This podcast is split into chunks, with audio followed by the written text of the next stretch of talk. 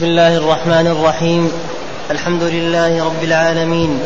والصلاة والسلام على نبينا محمد وعلى آله وأصحابه أجمعين. أما بعد قال العلامة السعدي قدس الله روحه وغفر له ولشيخنا وللسامعين. وسئل صلى الله عليه وسلم عن صوم يوم عرفة فقال يكفر السنة الماضية والباقية. بسم الله الرحمن الرحيم. الحمد لله رب العالمين وصلى الله وسلم على نبينا محمد وعلى آله وصحبه أجمعين. لما أنهى المؤلف ما يتعلق بأحكام الصوم بدأ في ما يشرع للمسلم أن يصومه من الأيام وهو صوم النافلة صوم التطوع. قد عقد أهل العلم بابا لهذا الأمر باب صوم التطوع. وذكر في أول ما ذكر صوم يوم عرفة. وهذا سنة. والناس في يوم عرفة ينقسمون إلى قسمين. حاج وغير حاج. أما غير الحاج فإنه يشرع له صوم هذا اليوم ويستحب في حقه. كما قال النبي صلى الله عليه وسلم يكفر السنة الماضية والباقية. وهذا لا إشكال فيه. وأما الحاج فإنه يكره له أن يصوم وهو حاج. قد جاء في هذا حديث عن النبي صلى الله عليه وسلم أنه نهى عن الصوم صوم يوم عرفة. لمن كان بعرفة ولكنه حديث ضعيف. لكن أصرح منه وأقوى هو حديث في الصحيح أن الناس شكوا في صوم رسول الله صلى الله عليه وسلم فأتي إليه بقدح من لبن فشرب منه والاقتداء به أمر مستحب ومخالفته في هذا الموضع. مكروهة. نعم. وسئل صلى الله عليه وسلم عن صوم عاشوراء فقال يكفر السنة الماضية. الثاني يوم عاشوراء. ويوم عاشوراء هو اليوم العاشر من شهر الله المحرم. شهر الله المحرم قد جاء فيه حديث صحيح أفضل الصوم بعد رمضان شهر الله المحرم. وآكد هذا الشهر هو العاشر. لأن جمهور من أهل العلم من السلف ومن بعدهم على أن يوم عاشوراء هو اليوم العاشر. وقد روي عن ابن عباس رضي الله عنهما أن يوم عاشوراء هو اليوم التاسع. ولكنه رضي الله عنه اجتهد ولكل مجتهد نصيب إلا أن السنة دلت على أن اليوم العاشر هو يوم عاشوراء. والنبي صلى الله عليه وسلم بين أنه يكفر السنة الماضية وقد أمر بصومه عليه الصلاة والسلام وقد اختلف أهل العلم هل كان واجبا قبل أن يفرض رمضان أو لا على قولين. وهذا الوجوب إن قيل به فهو منسوخ وأصبح الاستحباب باقيا. وهذا اليوم يشرع فيه أن يصوم المسلم اليوم التاسع قبله لأن النبي صلى الله عليه وسلم قال لئن بقيت إلى قابل لأصومن التاسع. وكان ابن عباس رضي الله عنهما يصوم العاشر والتاسع ويقول لا تشبهوا باليهود. قد ذكر ابن القيم رحمه الله في الهدي أن صوم عاشوراء على ثلاثة مراتب. المرتبة الأولى أن يصوم يوم عاشوراء وقبله يوم وبعده يوم. والمرتبة الثانية أن يصوم قبله التاسع. والمرتبة الثالثة أن يصوم العاشر وحده. وهل يكره أن يفرد العاشر أو لا؟ على قولين لأهل العلم. والصحيح أنه لا يكره. وأما ما جاء في حديث أحمد صوموا قبله يوما وبعده يوم قد ضعفه بعض أهل العلم. نعم.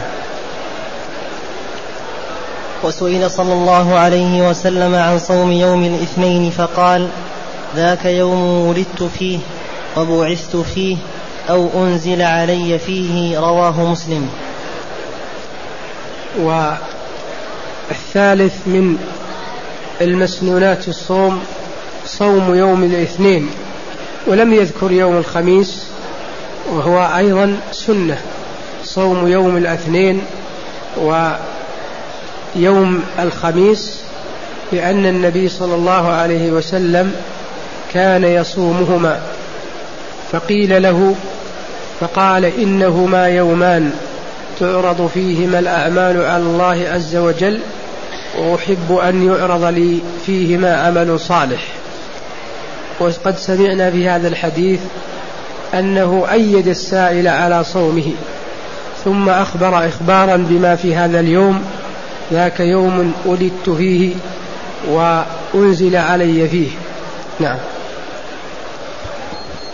وقال صلى الله عليه وسلم من صام رمضان ثم أتبعه ستا من شوال كان كان كصيام الدهر.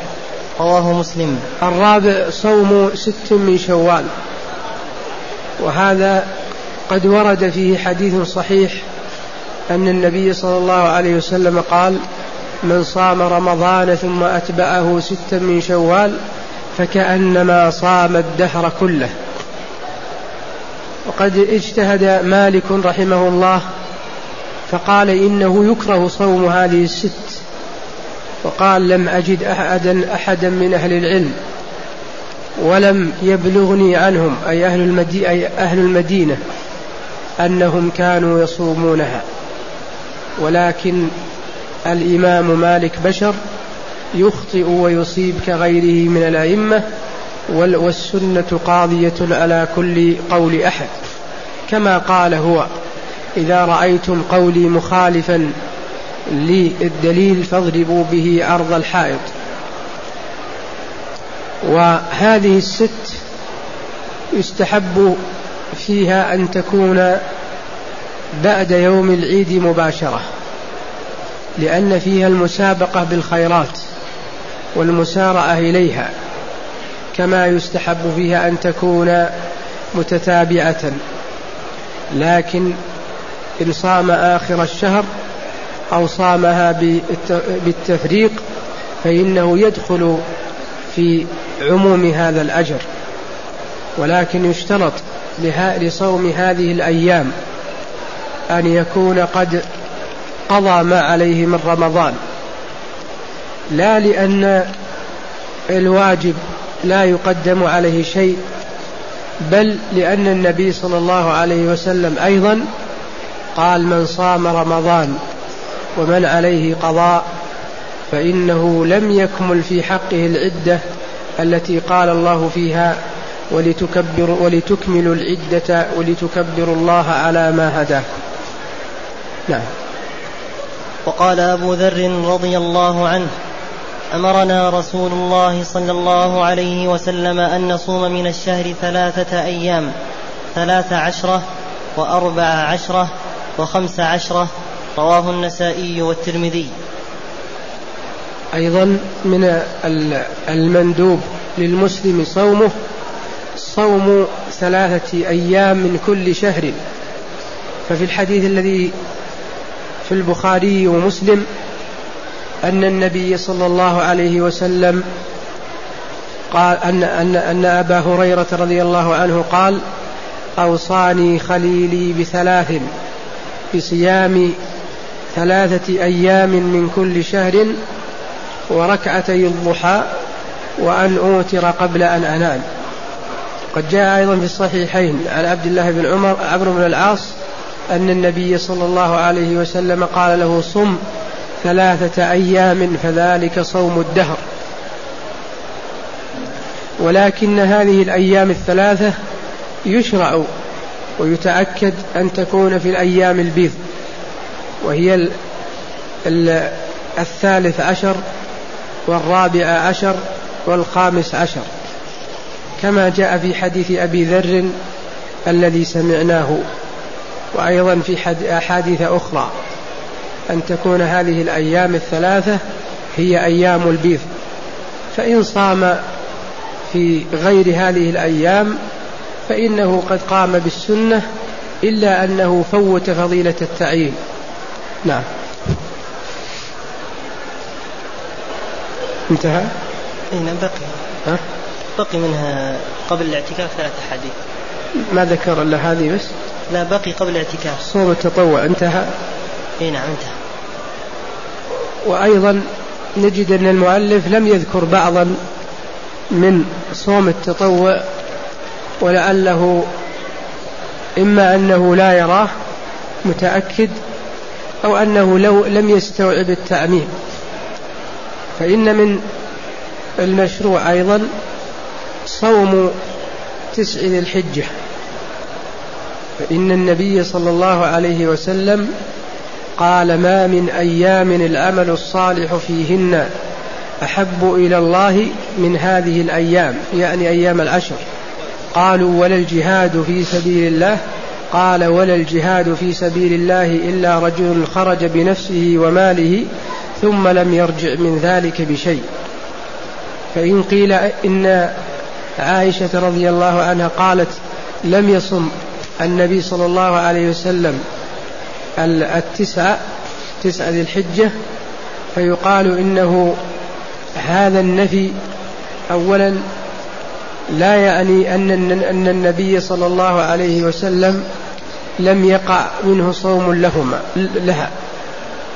ثم إننا نأخذ بعموم الأدلة المرغبة في الأعمال الصالحة ومنها هذا الحديث الذي سمعنا ومنها أيضا قول الله جل وعلا إقساما بها وليال عشر فدل ذلك على فضيلة سائر الأعمال ومن أعظمها الصوم كما دلت عليه أحاديث فضل الصوم المطلقة. ويبقى أن هناك من الأيام التي يصومها الإنسان وينبغي أن يكون على دراية بحكمها. الأيام معروفة أنها أيام الأسبوع. أما يوم الاثنين والخميس فقد سمعنا أنه يشرع ويندب للإنسان أن يصومهما. فيبقى معنا يوم الثلاثاء والأربعاء والجمعة والسبت والأحد.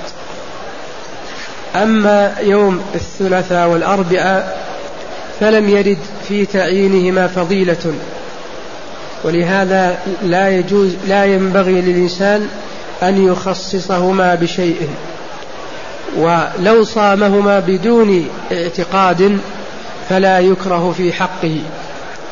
ويبقى معنا الجمعة والسبت والأحد. فأما يوم الجمعة فإن أهل العلم قد ذكروا أنه يكره أن يخصص يومها بصيام. فإن النبي صلى الله عليه وسلم قال لا تخصوا يوم الجمعة بصيام ولا ليلتها بقيام أخرجه مسلم.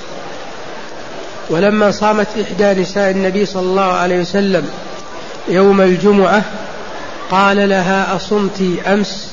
قالت لا. قال أتصومين غدا؟ قالت لا. قال فأفطري. وهو حديث متفق عليه. فدل هذا على أن تخصيص يوم الجمعة أمر مخالف للسنة. وقد جاء النهي صريحا في حديث مسلم لا تصوموا يوم الجمعة إلا قبله يوم أو بعده يوم. فإذا يتضح من هنا أن ما ذكره الفقهاء قول صحيح. إن لم يقل بالتحريم ولكن لا نعرف أحدا من أهل العلم قال بذلك. إنما قالوا يكره بل إن بعضهم قال إذا لم يخص إن, إن المكروه هو تخصيصه قصد تخصيصه. وإلا فلو آه، تحين من الأسبوع ما يصوم فيه ولم يجد فراغا من الأشغال إلا يوم الجمعة فإنه يصومه ولا كراهة فيه لكن هذا فيه نظر. أما صوم يوم السبت فإن النبي صلى الله عليه وسلم كان يصوم يومي السبت والأحد ويذكر أنه يحب أن يخالف اليهود والنصارى لأنها أيام عيد لهم.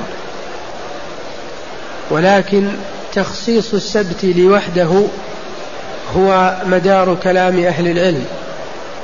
فمنهم من يرى أنه مكروه ومنهم من يرى أنه لا شيء فيه وهذا هو اختيار شيخ الإسلام ابن تيمية. ومنهم من يرى أنه محرم وكان آخر من من المحققين من كان يأخذ بهذا القول. الشيخ العلامة الألباني والذين قالوا إنه يحرم قالوا لأن النبي صلى الله عليه وسلم قال لا تصوموا يوم السبت إلا فيما افترض الله عليكم ولو لم يجد أحدكم إلا لحاء شجر أو ورق لحاء عنب أو ورق شجر فليمضغها. وهذا الحديث صححه جماعة من أهل العلم ومنهم الشيخ الألباني رحمه الله. فقالوا النهي هنا متأكد لكن الذين رأوا عدم التحريم قالوا إن هذا الحديث أولا ضعيف ولكن هذا الرد أو هذا الجواب هو الضعيف لأن هذا الحديث أقل أحواله أنه حسن. قالوا إذا نقول إنه منسوخ بصوم النبي صلى الله عليه وسلم ليوم السبت لكن النسخ يشترط أن يطابق المنسوخ في تأريخه وفي دلالته. والنبي صلى الله عليه وسلم إنما صام يوم السبت لم يصمه مفردا. والنهي الذي في هذا الحديث نهي عن الإفراد وعن التخصيص. قالوا إنه شاذ في متنه. وهذا الكلام أيضا فيه نظر. ولهذا يبقى إما أن يقال إن هذا الأمر محمول إن هذا النهي محمول على الكراهة. لماذا؟ لأنه لو كان صوم هذا اليوم محرما لكونه السبت لحرم صومه مع غيره. ولكن النبي صلى الله عليه وسلم وأحاديثه دلت على أن صومه مع غيره أمر لا إشكال فيه كما هو فعله وكما هو قوله أتصومين غدا. فدل هذا على أن أرجح الأقوال هو أنه يكره إفراده بالصوم. وأما صوم يوم الأحد فقد ذهب بعض أهل العلم أو اختلف أهل العلم في صوم في تخصيصه بالصوم بمفرده على قولين.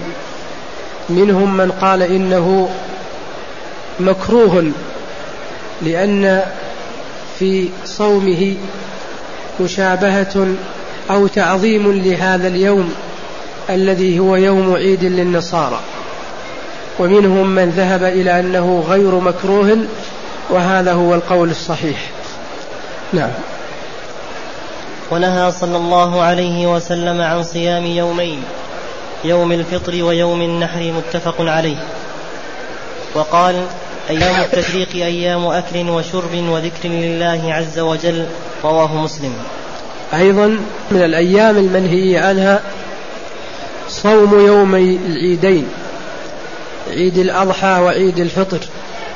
وهذا بإجماع أهل العلم. ولهذا لو صامه كان آصيا ويجب عليه الإفطار. ولهذا فإن الصوم التتابع في ما هو منذور أو ما هو صوم كفارة لا يقطعه إفطار يوم يومي العيدين لأنه إفطار بقوة الشرع. يلتحق بالنهي أيام التشريق وهي الحادي عشر والثاني عشر والثالث عشر من ذي الحجة فإنه يحرم صومهما لقول النبي صلى الله عليه وسلم أيام التشريق أيام أكل وشرب وذكر لله جل وعلا.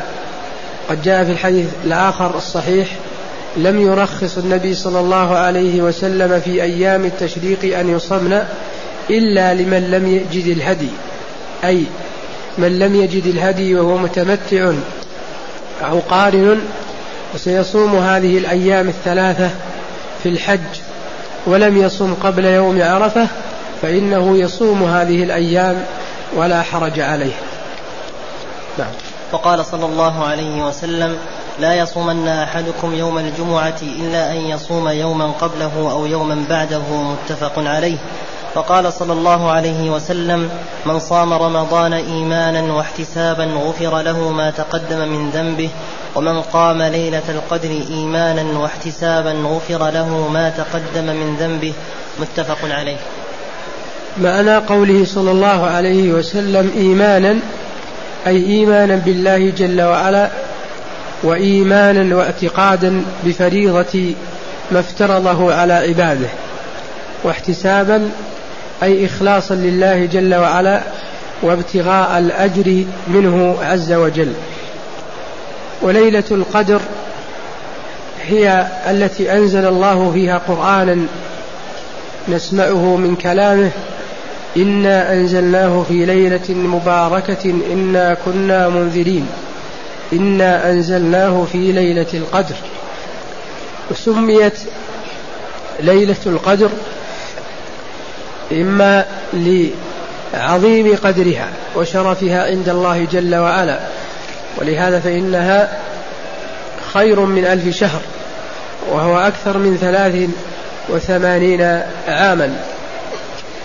و أو أنه يقدر فيها التقدير الحولي لأن التقدير أنواع منه التقدير الذي يقدره الله جل وعلا في السنة كلها ولا مانع من اجتماع المعنيين لأن ذلك ليس من اختلاف التضاد وإنما هو من اختلاف التنوع الذي هو لحقيقة واحدة.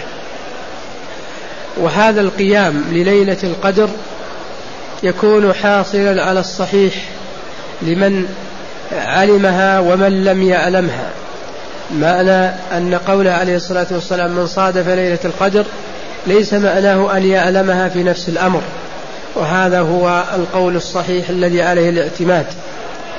أما متى تكون هذه الليلة فقد اختلف أهل العلم فيها على أقوال كثيرة أوصلها الحافظ ابن حجر في فتح الباري إلى أكثر من أربعين قولا. ولكن الذي دلت عليه السنة المتواترة عن النبي صلى الله عليه وسلم أنها في الأشهر الأواخر من رمضان في الليالي وأنه وأنها تتحرى وتتأكد في ليالي الوتر كإحدى وعشرين وثلاث وعشرين وخمس وعشرين وسبع وعشرين وتسع وعشرين. ويختلف الشهر وترا وشفعا بكونه كاملا أو ناقصا ولهذا قال شيخ الإسلام ابن تيمية إنه باعتبار ما مضى وباعتبار ما آه، في المستقبل قد تكون هذه الأيام كلها وترا.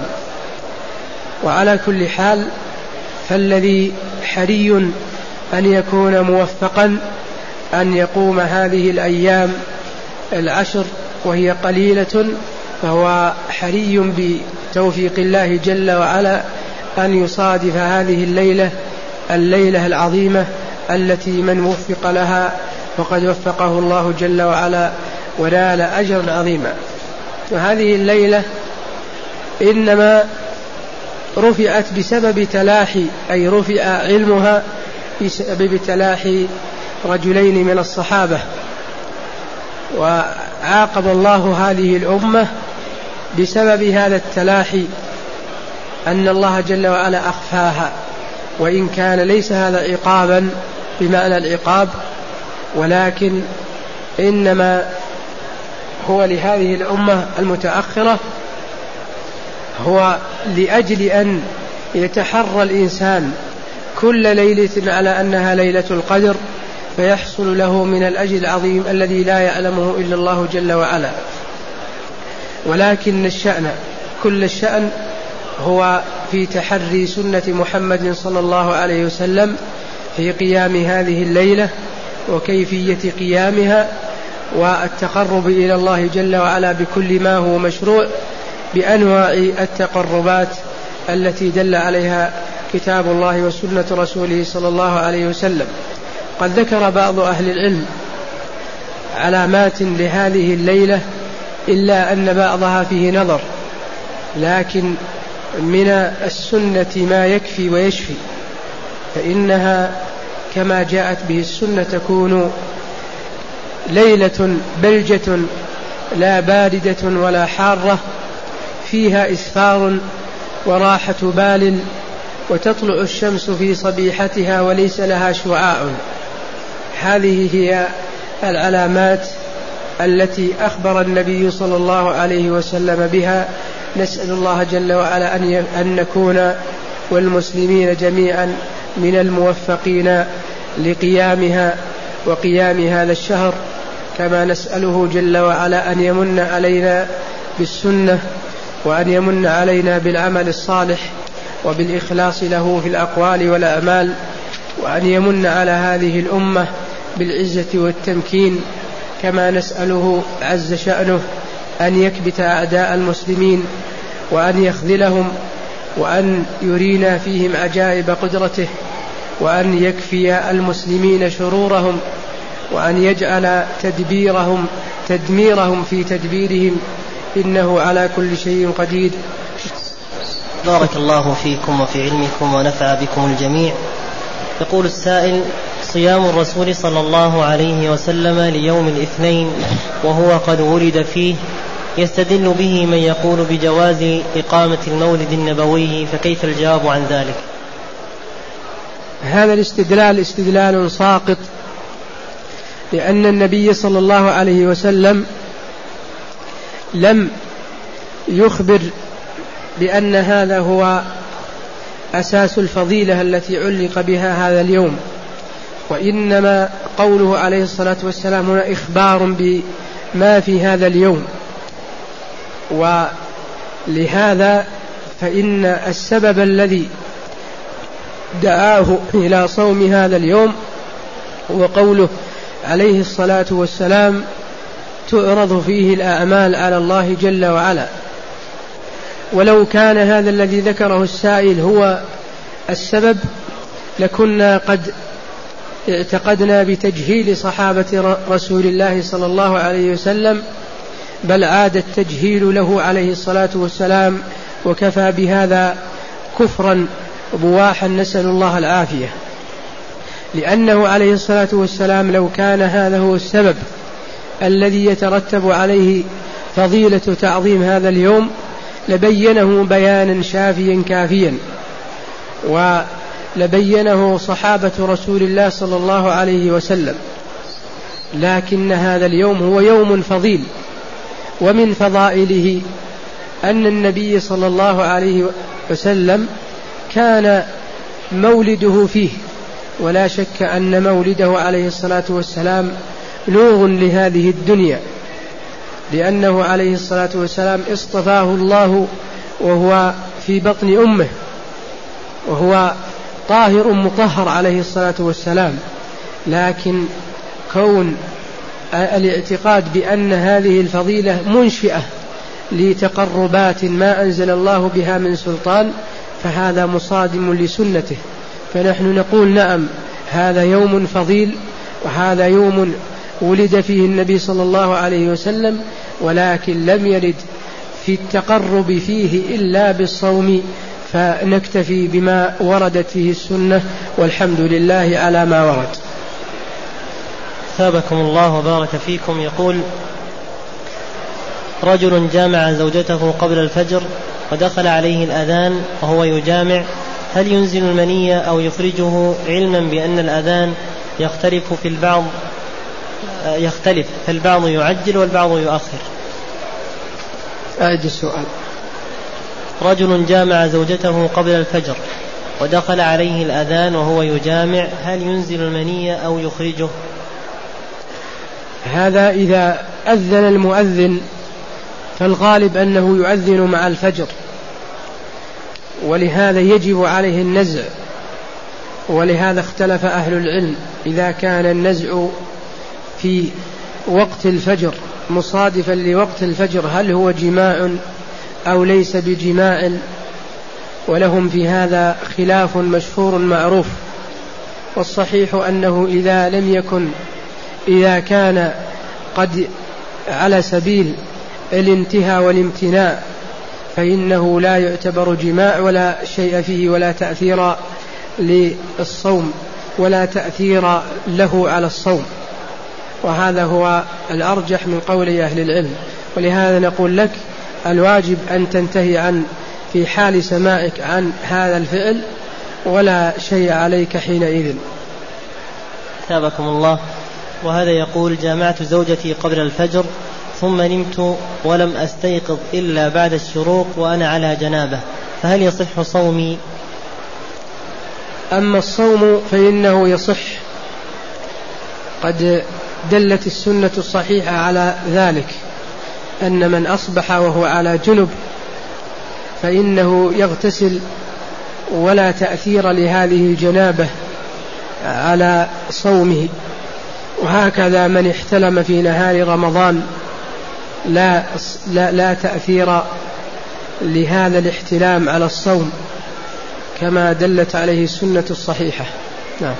هذا يقول جامعت زوجتي قبل الفجر ثم نمت ولم أستغ إلا بعد الشروق وأنا على جنابة فظننت أني مفطر. وجامعت زوجتي في نهار رمضان بناء على أني مفطر فما الحكم الآن؟ لأهل العلم في هذه المسألة قولان. منهم من يعذره لأنه جاهل بالحال ما لم يكن منه تفريط. إذ أنه جامع معتقدا أنه مفطر. وإن كان هذا يبعد أن يقع في الواقع لكن لو وقع وكان هذا الرجل كما ذكر وكان معتقدا أنه في حال إفطار وزوجته هكذا فإن لأهل العلم في هذه المسألة قولان منهم من لا يعذره ويرى أن الكفارة واجبة عليه وعلى امرأته ومنهم من يرى أنه لا شيء عليه وهذا هو الأرجح نظرا لأن الله جل وعلا لا يكلف نفسا إلا وسعها. ومن الوسع أن يكون الإنسان عالما بأنه في صوم متذكرا بأنه في صوم. ولهذا قال النبي صلى الله عليه وسلم من أكل أو شرب ناسيا فليتم صومه فإنما أطعمه الله وسقاه. ولما ذكر الله جل وعلا ربنا لا تؤاخذنا إن نسينا أو أخطأنا. قال الله قد فعلت. والشأن في أن تكون صادقا مع الله جل وعلا. نعم. ولكن الأحوط هو قضاء هذا اليوم. أما الكفارة فالراجح أنها لا تجب عليه والحال هذه. الأحوط قضاؤه ولا بكل حال يقضي؟ مفطر هو لا ليس مفطر. جامعها في نهار رمضان. لم يكن مفطرا. لم يكن مفطرا. يعني مجرد جماعة لا نعم يجب عليه نعم. القضاء على كل حال؟ لو كان مفطر هل كان مفطر قبل الجماع؟ لا. هو في صوم. كتابكم الله. هذا يقع خاصة من النائم. يعني يقع لكن صور نادرة. يقوم والغرفة مثلا مظلمة ويظن أنه في ليل وأنه ليس في صوم ثم يجامع. نعم. أما القضاء فإنه يقضي أما الكفارة فلا. نعم. أثابكم الله. يقول هل يجوز للمرأة الحائض أن تجلس في مكان الصفا والمروة والساحة الخارجية للحرم للتسبيح وذكر الله؟ كل ما أدخله سور المسجد فهو من المسجد. لهذا لا يجوز للمرأة أن تلبث فيه. فإن احتاجت إلى اللبث كأن تنتظر محرما لها فتتوضأ وضوءها للصلاة ولا حرج عليها حينئذ في الجلوس. نعم. أثابكم الله يقول هل يجوز لطفلي الذي عمره سبع سنوات أن يعتمر عن جده المتوفى؟ آه الذي آه هذه حاله فإنه لا لا يحج عن غيره لأنه هو لا يستطيع بعض أعمال الحج ويقوم به وليه عنه. هكذا أيضا في العمرة. فمن كان غير بالغ فإنه لا يقوم بالنيابة عن غيره. نعم. أثابكم الله يقول هل تخصيص ليلة السابع والعشرين بالعمرة ورد فيه فضل. يخشى أن تخصيص ليلة السابع والعشرين بعمرة أن يكون من الإحداث في الدين لأن النبي صلى الله عليه وسلم قال عمرة في رمضان تعدل حجة وأما ما يفعله بعض الناس من تخصيص هذه هذا اليوم هذه الليلة بعمرة في كل سنة ويعتقد أن فيها فضيلة ومزية فهذا يخشى أن يكون من التخصيص المخالف للسنة إذ لم يعلم عن السلف هذا الأمر. أما إذا كان إنما يأمل هذا العمل لأنه يتحرى أنها ليلة القدر كما كان أبي يحلف أنها ليلة القدر فنرجو أنه لا حرج. نعم. أثابكم الله. يقول ما حكم استعمال السواك الذي فيه نكهة في حال الصيام؟ إذا لم يصل إلى الجوف شيء من أعواد هذا المسواك فرائحته أو نكهته لا شيء فيها إن شاء الله. نعم. أثابكم الله يقول أنا أعمل في مدينة ينبع وأهلي في المدينة. والسؤال هل يجوز أن أنوي الإحرام من المدينة للذهاب إلى مكة أو أحرم من ينبع التي أعمل فيها؟ أعد السؤال. يقول أعمل في مدينة ينبع وأهلي في المدينة. هل يجوز أن أنوي الإحرام من المدينة للذهاب إلى مكة أو أحرم من ينبع التي أعمل فيها. الأصل أنه يحرم من الميقات الذي هو آه، ساكن فيه كأهل ينبع يحرمون من من رابغ. آه، ينبع بين رابغ أو بعد رابغ. قبل رابع رابغ. يعني ونحن ماشيين الآن لمكة. نعم. أول ما يأتينا ينبع. رابغ ينبع. ينبع. ثم رابغ. نعم. إذا هو يحرم من ميقاته.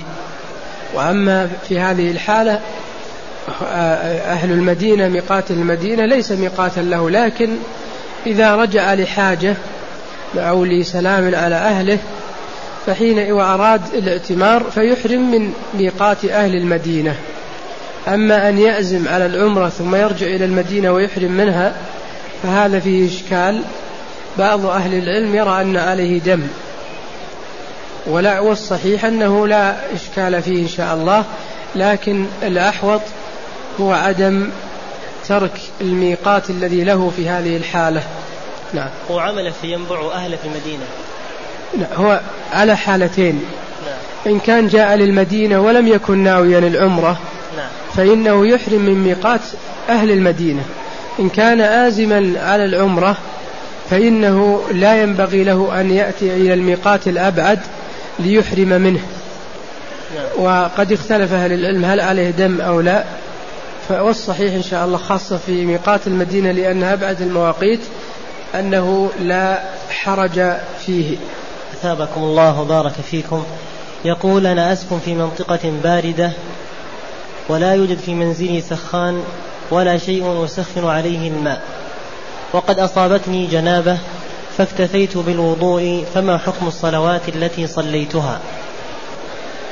إذا لم تجد ما آه، تسخن به الماء ويغلب على ظنك أنك تتألم بمرض من جراء استعمال هذا الماء البارد أو أن فيك جروح وتخشى من آه، المرض إذا اغتسلت بهذا الماء البارد الحاصل أنك تخشى ضررا على بدنك. ففي هذه الحالة لك أن تتيمم بمقدار ما يرفع أو في وقت يرفع عنك الضرر. فمتى وجدت الماء؟ فحينئذ وجب عليك أن تغتسل. وما مضى من آه، صلوات بالتيمم فهي صلوات صحيحة. نعم. أما لأن التيمم يشرع عند فقدان الماء أو عند خوف الضرر من استعماله. يقول توضأ يا شيخ. نعم. توضأ ولم يغتسل. ما يكفي هذا. ما يكفي في رفع عليه عليه التيمم. لو توضأ فقط وصلى نعم. بدون تيمم صلاته غير صحيحة لفقده أحد الطهورين يعيد الصلوات يا شيخ؟ يعيد الصلاة نعم أحسن الله إليك إذا لم يتيمم وإنما اكتفى بالوضوء وعليه الغسل فإنه يعيد ما صلى سابقا ثابكم الله يقول بعض بعض الأعمال تلزم العمال بوضع بطاقات فيها صورة فهل تجوز صلاتهم بذلك؟ صورة؟ نعم. لأهل العلم قولان فيما لو صلى عليه ثوب فيه صور أو صلى ومعه صورة والصحيح صحتها لكنه آثم بحملها فلا ينبغي لهذا العامل أن يحمل هذه السورة في حال صلاته ولا في غيرها إلا إذا كان هناك ضرورة لمصلحة المسلمين. فإذا صلاته صحيحة على الراجح من قول أهل العلم ولكن الاحتياط هو تركها بل واجب عليه تركها ولو لم يكن في صلاة. ما لم يكن هناك مصلحة ضرورة تدعو إليها مصلحة المسلمين. أثابكم الله وبارك فيكم. يقول أريد إخراج زكاة مالي.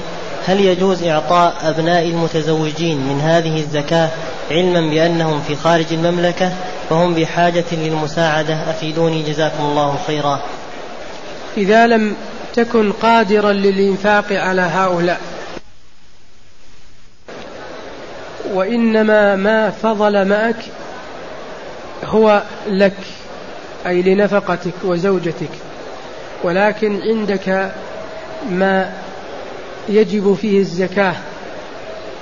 ففي هذه الحالة وهي حالة استثنائية ليس هناك ما يمنع من إعطائهم الزكاة على الحالة التي سمعنا وإلا فالأصل أنه لا يجوز أن تدفع الزكاة لأولادك ولا لأصولك من الآباء والأمهات. نعم. أثابكم الله يقول نود سفر قاصدين مكة غدا إن شاء الله لأداء العمرة بعد الساعة الثانية ظهرا فهل يحل لنا الإفطار منذ الصباح أو بعد الشروع في السفر؟ اختلف أهل العلم في ابتداء الرخص للصائم متى تكون؟ منهم من ذهب إلى أنه متى عزم على السفر وتهيأ له فإنه يترخص برخص السفر ولو كان في البلد. مثلا كالقافلة قد رحلت وقد جهزت الحقائب فلم يبق إلا الركوب. فيقولون في هذه الحالة لك أن تفطر. وهذا هو المروي عن أنس رضي الله عنه وأبي بصرة الغفاري من صحابة رسول الله صلى الله عليه وسلم وقالوا إنه إنها هي السنة.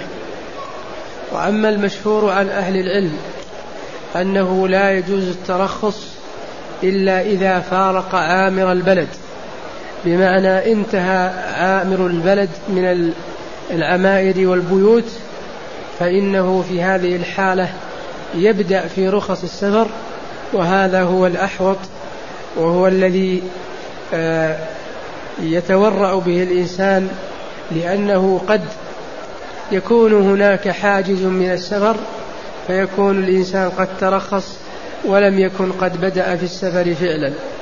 نعم. أثابكم الله. يقول هل يمكن أن ينزل ابن الزنا منزلة اليتيم؟ من هو؟ ابن الزنا. ابن الزنا آه هذا الذي يأتي من غير فراش هو لا ينسب إلى أبيه ولا يجوز نسبته إليه وإنما تكفله أمه وينسب إليها آه، أو إلى أحد من كأن يقال مثلا فلان ابن فلان حتى يعرف. ولهذا أنظمة في هذا البلد تحكمها ولله الحمد. يعرفها آه، بعض من يزاول القضاء وهي تحقق المصلحة وتحقق تطبيق الشريعة في الانتساب لغير الفراش. وحينئذ فهل يعامل معاملة اليتيم في الإحسان؟ يقول نعم إنه ينبغي أن يحسن إليه وأن يعامل, يعامل معاملة مثلى لأنه قد افتقد أباه حكما وهو لا ذنب له وينبغي أن ينشأ بدون أن يشعر أنه في عزلة عن المجتمع وحتى لا يفقد لا يفقد شعور الحنان الأبوي. فينبغي لك أيها المسلم أن تشفق عليه بكل ما تستطيع وأنت على أجر من الله جل وعلا. أثابكم الله. وهل يمكن أن يتخوف الرجل المتزوج من ابنة الزنا من العقب الذي يأتيه من هذه الزوجة لأن أجداد أبنائه من آباء غير, غير معروفين؟ أعيد السؤال. وهل يمكن أن يتخوف الرجل المتزوج من ابنة الزنا من العقب الذي يأتيه من هذه الزوجة لأن أجداد أبنائه من آباء غير معروفين؟ ما فهمت أنا السؤال. أنه يترك يترك الزواج من ابنة الزنا أو يقدم على الزواج بها. يعني بنت زنا. نعم. هل يبتعد الإنسان من الزواج نعم. منها؟ نعم. هذا خطأ. إذا علم دينها وخلقها وأمانتها وكان الرجل لا يلحقه معرة يشترط أن لا يلحقه معرة من أحد أوليائه ففي هذه الحالة الأفضل أن يتخذ ذات الدين كما قال النبي صلى الله عليه وسلم. آه تنكح المرأة لأربع لمالها ولجمالها ولحسبها ولدينها فاظفر بذات الدين تربت يداك. إلا أن هناك مسألة عند أهل العلم وهي مسألة الكفاءة منها الكفاءة في النسب.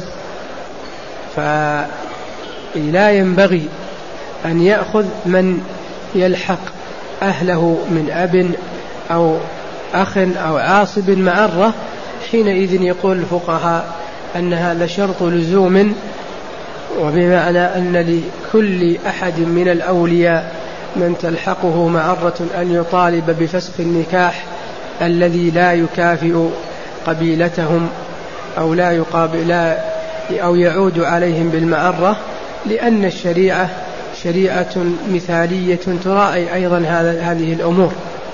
نعم. ثابكم الله. يقول إني أخذت قرضا من أحد من إحدى البنوك وأنا أعلم أن هذا ربا فهل لي توبة؟ وكيف؟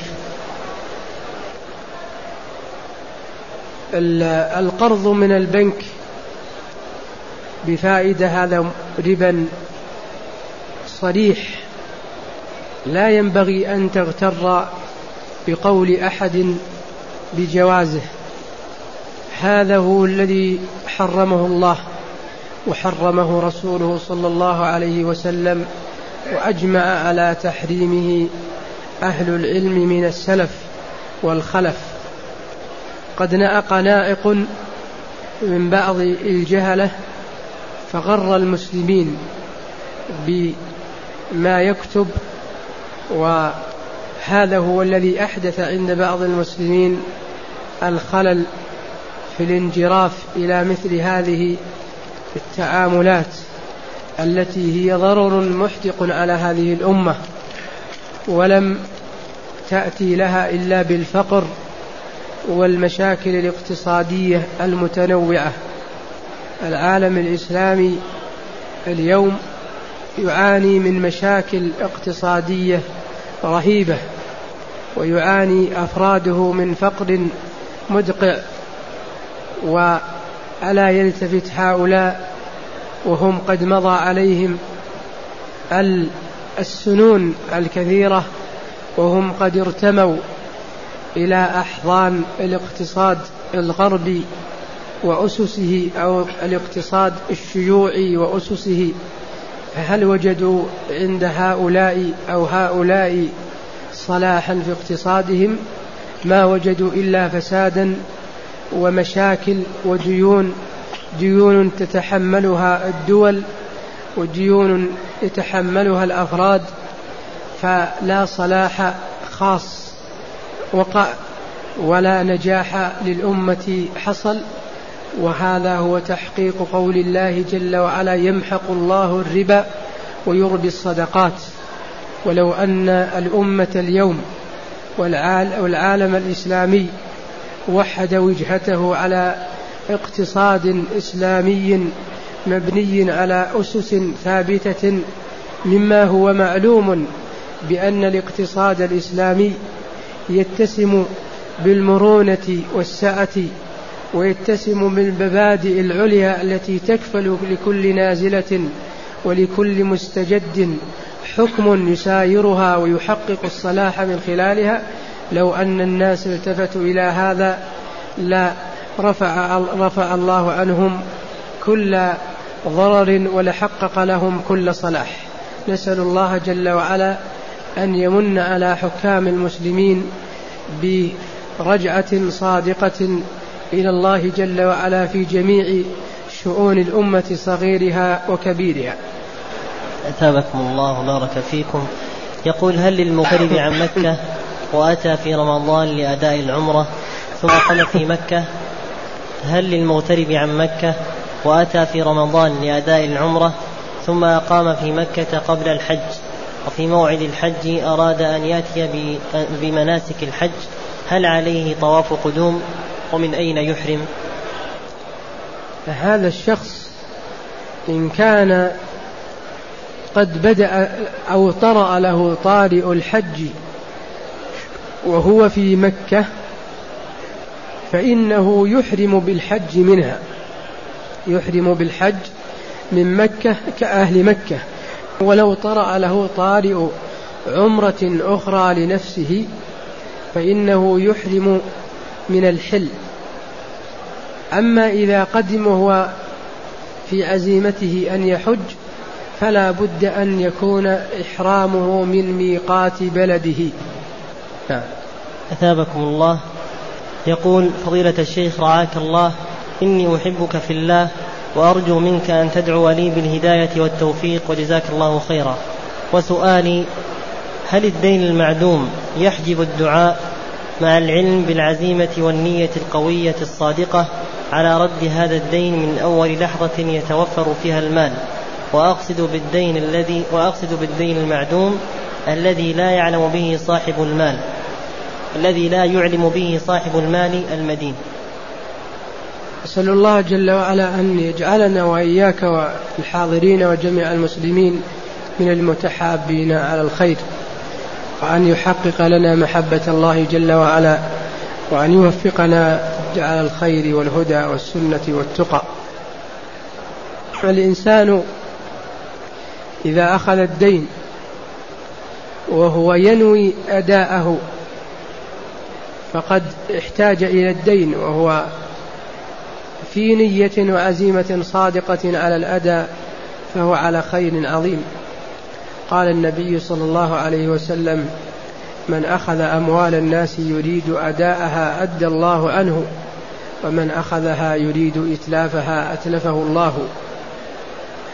وحينئذ دعاؤك لا يؤثر فيه هذا الدين الذي أنت في عزيمة صادقة على أدائه إن يسر الله لك إلا أنك ذكرت أنه لا يعلم صاحبه به. وأنا لا أتصور هذا إلا فيما هو مغصوب. فإن كان هذا هو الذي تذكر هو الذي تقصد أنك قد غصبت منه شيء أو سرقت منه شيئا فإن الواجب عليك أن تعلمه. وأن تخبره بأنك ستؤدي له هذا المال. متى يسر الله لك؟ حتى يكون على علم وحتى أيضا قد يحللك فيما أخذت فتكون حينئذ بريئة ذمتك بريئة من هذا العمل. نسأل الله جل وعلا أن يجعلنا من المستجابين الدعوة وأن يحقق لنا القبول في الأقوال والأعمال. أثابكم الله. يقول لدي طفلان لم يتجاوز أكبرهما السنة الثانية وأريد أن يعتمرا وهما معي الآن فهل من الأفضل اعتمارهما أم الدعاء لهما أفضل؟ الأفضل في مثل رمضان ومثل الحج أن الإنسان لا يشغل نفسه بإدخال الصغير لعمرة أو لحج لأنه يفوت من الفضائل ما هو أعظم. وأدعو لهما بالصلاح والنبات الحسن والمباركة في العمر واشتغل في الدعاء. وهذا أفضل من أن تشتغل بالعناية بهما ورعايتهما. فتكون قد فوتت فرصا قد لا تتحقق في موضع آخر. نعم. أثابكم الله. يقول هناك رجل أريد منه دينا ولم يستطع أن يسدد لي الدين وعندما أردت إخراج الزكاة أعطيته منها فهل يجوز أن يقضي لي الدين الذي أريده منه من مال الزكاة الذي أعطيته؟ الصحيح في هذه المسألة أنه إذا لم يكن هناك شرط منك هناك شرط منك أو قرائن تدل على هذا الأمر فلا مانع من إعطائه الزكاة فإذا أدى لك منها فهذا الأداء صحيح وهذه الزكاة صحيحة. نعم. أثابكم الله. يقول رجل جمع ماله من تجارة الدخان. ثم استبدل نشاطه بتجارة بتجارة المواد الغذائية فما حكم أصل المال؟ أصل المال محرم لأنه عين محرمة فبيع فبدلها مثلها فالواجب عليك أن تعرف الأصل الذي اجتمع من هذا الدخان وأن تنفقه على نية الانخلاع منه لا على نية الصدقة وتضعه في مكان غير محترم كطريق أو مستودع لحفظ أشياء للمسلمين أو دورات مياه للمساجد ونحو ذلك. أثابكم الله يقول هل من توضيح لحديث من حسن إسلام المرء تركه ما لا يعنيه والجمع بينه وبين الأمر بالمعروف والنهي عن المنكر؟ المراد بهذا الحديث أمران الأمر الأول أن يتدخل الإنسان في شؤون غيره مما لا إنكار فيه ولا أمر بمعروف. كأن تشتغل مثلا بأخبار فلان وأنه اشترى كذا وباع كذا ودخل عليه كذا وقابل فلان إلى آخره. المضمون الثاني لهذا الحديث هو أن تتدخل أن تدخل نفسك فيما لا ليس من شأنك شرعا أو عرفا. كأن تدخل في شأن غيرك من العاملين للمسلمين مثلا كمهندس فتأتي فتغير عليه عمله وأعظم ذلك أن يتكلم العامة في أمور الأمة العامة وهكذا أيضا أن يتكلم طالب علم مبتدئ أو لم يصل إلى التحقيق في العلم وإلى الخبرة في دراية الحياة أن يتكلم ويقرر في أمور الأمة العامة من ولاية أو من علاقات دولية أو من علاقات أخرى مما لا تخفى ويقرر فيها من الأحكام ما يحلو أو ما يكون هو في ظنه أنه مجتهد فهذا كله من مضامين قول النبي صلى الله عليه وسلم من حسن إسلام المرء تركه ما لا يعنيه فدع كل شيء ومن هو أهل له فإن هذا به استقامة الأمة وبه صلاحها. أثابكم الله يقول هل يجوز أن أنفق رحلة العمرة على زوجتي على زوجة أخي وأولادها؟ رحلة عمرة على زوجة أخي وأولادها. إذا كان هذا الإنفاق منك تبرعا فلا شك أن هذا عمل مبرور بشرط أن لا يؤثر على نفقة أولادك لأن النبي صلى الله عليه وسلم أمر بالأقرب فالأقرب وبشرط أن لا يكون أيضا هذا من الزكاة لأن هؤلاء قد لا يكونون من أهل الزكاة فالخلاصة أنه إذا كان تبرعا منك فهو عمل مبرور مأجور. بإذن الله جل وعلا. أثابكم الله. يقول فضيلة الشيخ إذا أتى المعتمر المروة وكبر ودعا فهل يفعل ذلك كل شوط؟ نعم يعمل هذا في كل شوط إلا في الأخير منه عند بعضهم. وأيضا هذا محل إشكال في البحث هل إذا انتهى يدعو أو لا يدعو؟ فنقول إن دعا وكبر فيرجى ألا حرج. وإن انصرف فهذا هو الأولى من حيث البحث النظري في هذه المسألة لأن العبادة حينئذ قد انتهت. نعم. أثابكم الله. وإن لم يتمكن من استلام الحجر الأسود في الطواف وكذلك لم لم يستطع من تقبيله فماذا يصنع؟ الحجر الأسود يشرع في للطائف أن يستلمه بيده وأن يقبله فإن شق هذا فإنه يشرع أن يقبله بشيء معه أن يستلمه بمعنى أن يلمسه بشيء معه. كعصا مثلا ثم يقبل هذه العصا حال استلامه. وهذا لا يتصور في هذا الوقت. فإن شق فإنه يشير إليه إشارة فقط ويكبر كلما حذا كلما حاذ هذا الحجر وهذا هو المشروع فقط. أثابكم الله. يقول شخص اعتكف وهو في المسجد شخص اعتكف في مسجد النبي صلى الله عليه وسلم وهو إمام مسجد لصلاة التراويح. هل يجوز له أن يخرج وهو معتكف إلى إلى مسجده ويصلي بالناس التراويح؟ هذا خلاف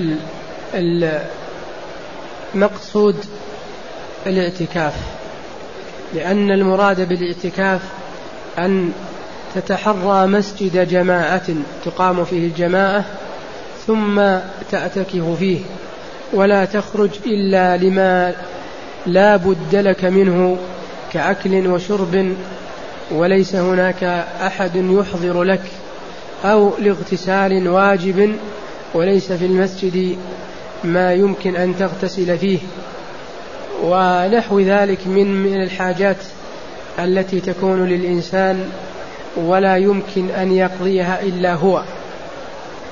وأما ما تذكر في هذا فالذي يظهر والله أعلم أن هذا مخالف لمقصود الاعتكاف والواجب في حقك إما أن تأتكف في هذا المسجد التي الذي تصلي فيه التراويح أو أن تجعل غيرك من المسلمين من يصلي بهؤلاء الجماعة وتلتزم باعتكافك في هذا المسجد.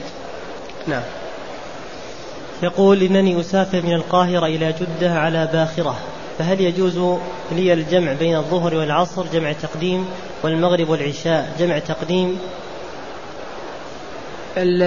الجمع إذا كان النبي صلى الله عليه وسلم إذا زالت الشمس وهو لم يسافر بعد جمع بين الظهر والعصر. فإن سافر قبل الزوال أخرهما إلى العصر. وعلى كل فالذي فالأفضل في حق المسافر هو ما يكون أيسر له من جمع تقديم أو جمع تأخير خاصة إذا جد به السير إذا كان على السير. إذا كان في حال مسير فالأفضل في حقه الجمع آه، الأيسر له ولمن معه من رفقة من تقديم أو تأخير. أما إذا كان وهو ليس في حال مسير بمعنى أنه مقيم لكنه في حال سفر لم تقطع الإقامة سفره فإن الأفضل في حقه عدم الجمع.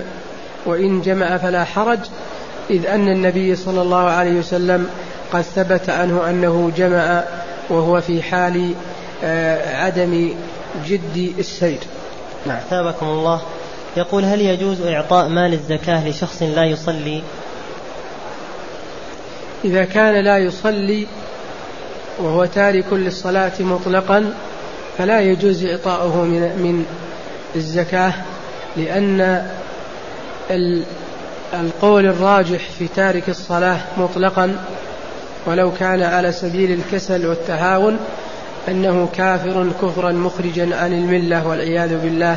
والكافر لا يجوز إعطاؤه من الزكاة. وأيهما أفضل تجزئة الزكاة أم إعطاؤها كاملة لشخص واحد؟ الأفضل أن تنظر لما يحقق المصلحة لأن الزكاة من مقاصدها إغناء المسلمين إغناء مجتمعاتهم. فإذا كنت تعلم أن هذا الرجل إذا جاءه إذا جمعت مالك فأعطيته من الزكاة ترتفع ضرورته ويرتفع فقره فهذا هو الأفضل. أما إذا كان غيره من الفقراء ينازعه الحاجة فالأفضل هو التعميم. ولهذا فالمصلحة هي المناط وجودا وعدما. ففي مثل وقتنا هذا ينبغي العناية بالمسلمين المضطهدين.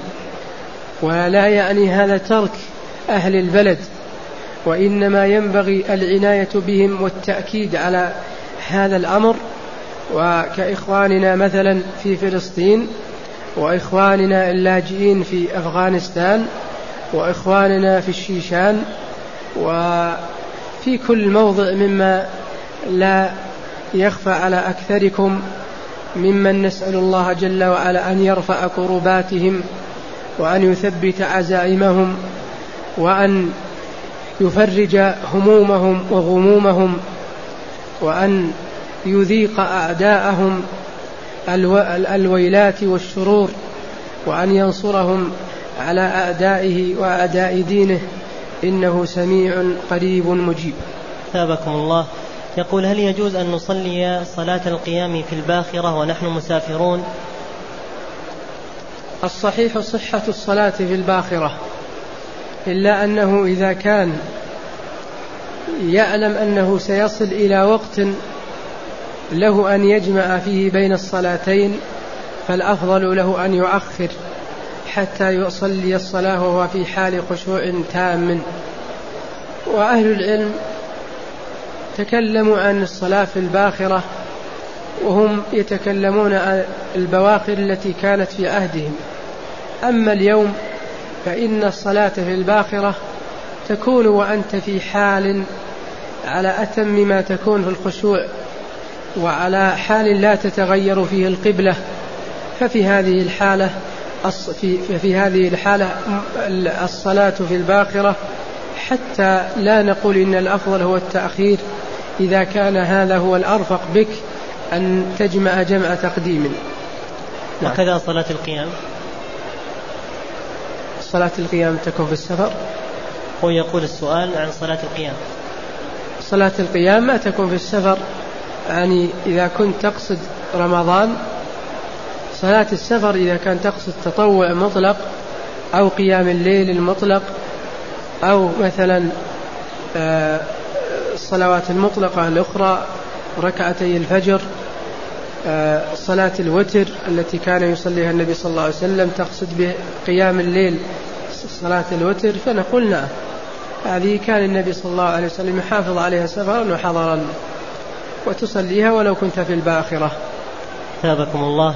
يقول بعض العلماء يقولون إن الصورة التي كرهها الإمام مالك من صيام الست من شوال هو وصلها برمضان بدون فصل وليس كراهتها مطلقا. هذا الحقيقة عاطفي مع الإمام مالك. المروي عن مالك مطلقا لأنه يقول لم يبلغني. وفصلها متحقق بيوم العيد. نعم هو من أدلته أنها أن أن فيها إيصال آه، برمضان. ولهذا رد عليه صاحب المغني وغيره بأن الفصل بأن الإيهام الذي ذكره الإمام مالك مندفع بإفطار يوم العيد. نعم. أثابكم الله يقول حديث من صلى الفجر في جماعة ثم جلس يذكر الله حتى تطلع الشمس كان له أجر حجة وعمرة تامة تامة تامة. هل هذا الحديث صحيح؟ هذا الحديث صحيح ومن آخر من صححه الشيخ الألباني رحمه الله. في تحقيقه. فهو فضل عظيم. نسأل الله جل وعلا أن يمن علينا بذلك.